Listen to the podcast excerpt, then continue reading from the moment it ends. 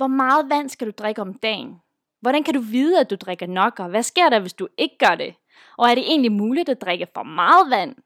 Alle de spørgsmål vil jeg svare på i denne episode. Så have dit glas vand klar, for det du kommer til at høre vil gøre dig tørstig. Du lytter til Sygt Sund med Alisa Saleh. Så ved du, hvor meget vand vi skal drikke om dagen?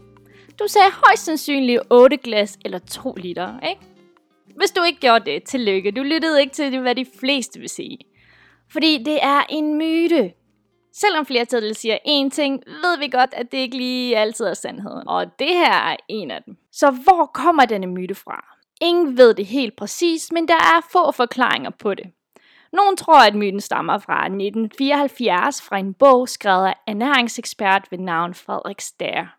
I bogen anbefalede han at drikke 6-9 glas vand om dagen, mens bogen også påpegede, at grøntsager og frugter og andre drikkevarer også indeholder meget vand. Men den del blev på en eller anden måde lidt glemt, så den information blev ikke rigtig spredt til offentligheden. Så er der en anden forklaring, og det er en myte, der stammer fra 1945 da der blev offentliggjort en rapport, der anbefalede, at den gennemsnitlige person har brug for at indtage 1 ml vand per kalorie. Så for en, der er på kost med omkring 2.000 kalorier om dagen, giver det der også det gyldne tal 2 liter eller 8 glas. I dette tilfælde missede de igen den del af rapporten, der pointerede, at meget vand også kommer fra maden. Så hvor myten stammer helt præcis fra, er der ingen, der ved, og der er ingen videnskabelige beviser, der understøtter det. Vand er meget vigtigt for din krop, for at den kan fungere, som den skal. Omkring 55-65% af vores kropsvægt består af vand. Da vores krop ikke kan producere nok vand af sig selv, skal vi drikke vand i løbet af dagen. Vi har brug for vand af mange årsager. For eksempel for at give form og struktur til vores celler, regulere kropstemperatur, observere næringsstoffer, opløse vitaminer, mineraler, transportere næringsstoffer og ild til cellerne, hjælpe med at eliminere affaldsstoffer og så videre. Så hvis du vil være sikker på, at alle disse funktioner fungerer som de skal, skal vi være opmærksomme på vores vandindtag. Okay, jeg ved godt, at du venter på svaret på vores store spørgsmål, så vi sagde, at de 8 glas om dagen er en myte. Så hvad anbefaler man? Der er faktisk ikke et enkelt svar på det. Det ved du helt sikkert godt, hvis du har søgt efter et svar på Google, har du sandsynligvis bare endt med at blive lidt mere forvirret. For der er så mange undersøgelser på, hvor meget vand der anbefales, at man drikker om dagen. Men også mange undersøgelserne siger noget forskelligt. Så hvorfor er der ikke et enkelt svar på det? Det skyldes jo, at der er så mange faktorer, der spiller ind. Så hvis jeg giver dig et tal på, hvor meget du bør drikke, dette tal kan være for meget eller for lavt for en anden person. Derfor, det første vi skal gøre, er at se på de forskellige faktorer, der påvirker din krop, og så kan du få en idé om, hvor meget vand din krop har brug for. Den første faktor, jeg vil nævne, er motion. Når du træner, nedbryder din krop brændstoffer for at skabe energi og dette får din kernetemperatur til at stige. Så din krop vil frigive varme i form af vand gennem dine svedkirtler, som du har 2-4 millioner af. Så vandet kan fordampes på din hud for at afkøle din krop. Så på den måde mister du ekstra vand, når du træner, og dette er en af faktorerne, du skal være særlig opmærksom på. Nummer to faktor er miljø. Varm eller fugtig temperatur vil få din kernetemperatur til at stige hurtigere og i højere grad. Så din krop arbejder hårdt på at frigive væske gennem din svedkirtler, men egentlig uden meget succes for at fordampe. Hvis du for eksempel befinder dig på et bjerg, vil din krop også kræve mere vand, da luften over havets overflade indeholder lavere iltniveau. Derfor kan det få din underdræksfrekvens til at stige, og på den måde mister du væske hurtigere. Den tredje faktor er graviditet. Den gravide kvinde skal understøtte fosterets cirkulation, fostervand og det højere niveau af blodvolumen, skal hun drikke mere vand end normalt. Den fjerde faktor er, at hvis du er syg, for eksempel du kaster op eller har diarré, skal du drikke rigeligt med vand for at erstatte alt det væske, som du har mistet. Men husk, i dette tilfælde mister du også natrium, så det er meget vigtigt at drikke vand med elektrolytter for at få kroppen tilbage i balance. Den femte og sidste faktor, jeg vil nævne, er din kost. Som jeg nævnte tidligere, indtager du også vand gennem din mad. Normalt undervurderer vi, hvor meget vand vi egentlig får igennem vores mad. Omkring 20% af væsken kommer egentlig fra maden. Men det, det gælder ikke al slags kost selvfølgelig, og det er vigtigt at være opmærksom på. For lad os sige, at din kost indeholder meget salt eller natrium, så skal du holde øje med dit vandindtag. Fordi vand elsker at følge natrium. Så når du indtager mad med højt natriumindhold, forlader vandet dine celler og kommer ind i blodbanen. Dette vil øge dit øh, blodtryk, men det får dig også til at blive dehydreret. Men lad os sige, at du spiser varieret kost, får du sandsynligvis mad, der indeholder agurk, tomater, spinat, broccoli, salat osv. Alle disse indeholder meget vand, mindst 80% vand. Så nu har vi dækket de her forskellige faktorer, der kræver mere væskeindtag, som du bør være opmærksom på. Så vil jeg også lige nævne en ting, som folk synes er en rigtig god idé at gøre.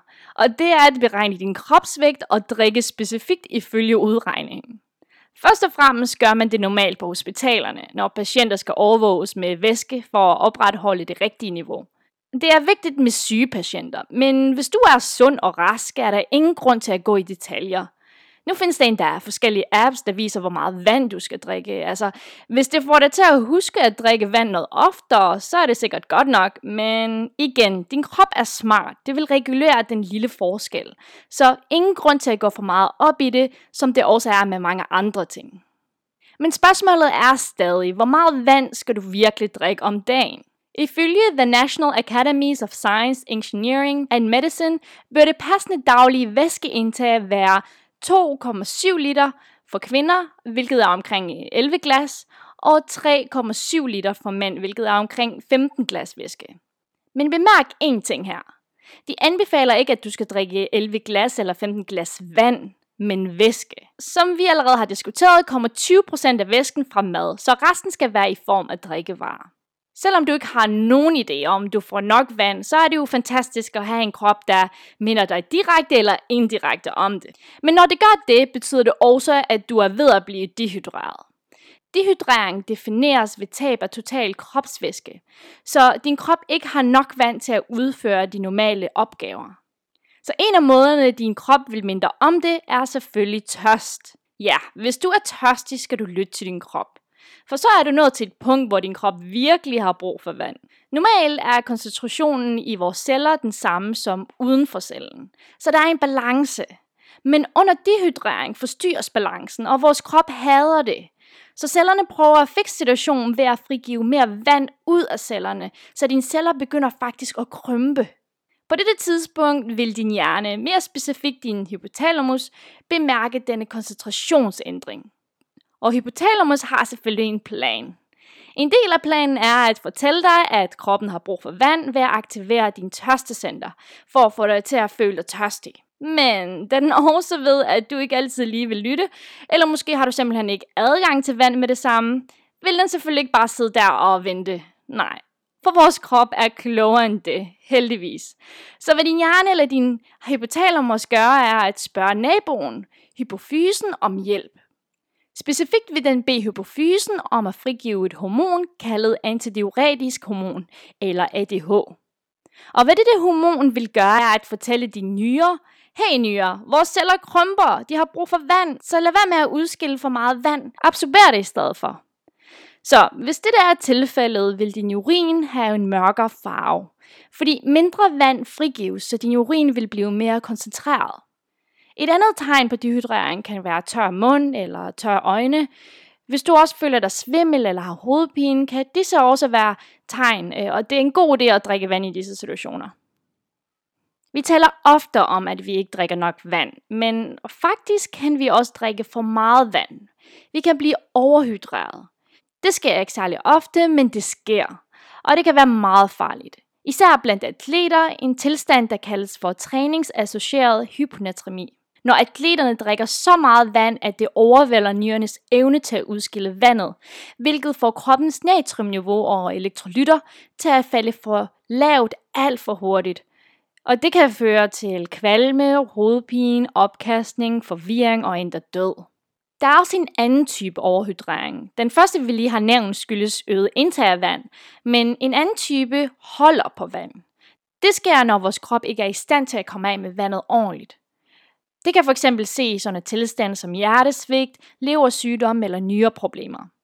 Under disse forhold holder din krop på mere væske. Også nogle typer piller vil holde på mere væske. Så det er vigtigt at sætte dig ind i din tilstand og forstå, hvad din medicin indeholder og gør ved din krop. Det er meget vigtigt selvfølgelig, ikke kun i forhold til mængden af vandindtag, men generelt. At lytte til vores krop, være opmærksom på symptomerne og hvad vi putter i vores mund, er virkelig vigtigt. Inden jeg afslutter dagens episode, vil jeg gerne give dig et par råd til, hvordan du kan gøre det lettere at huske på at drikke vand noget oftere. For mange af os simpelthen ikke får nok vand, så hvad vi kan gøre for eksempel er at drikke et glas vand som det første om morgenen. Vi kan også have et glas vand eller en vandflaske stående ved skrivebordet. På den måde vil du blive mindet om at drikke noget oftere. Hvis du bare er rigtig træt af vand og synes, det er lidt kedeligt, så kan du altid tilføje en mynte eller citronsaft for at gøre det bare lidt mere frisk.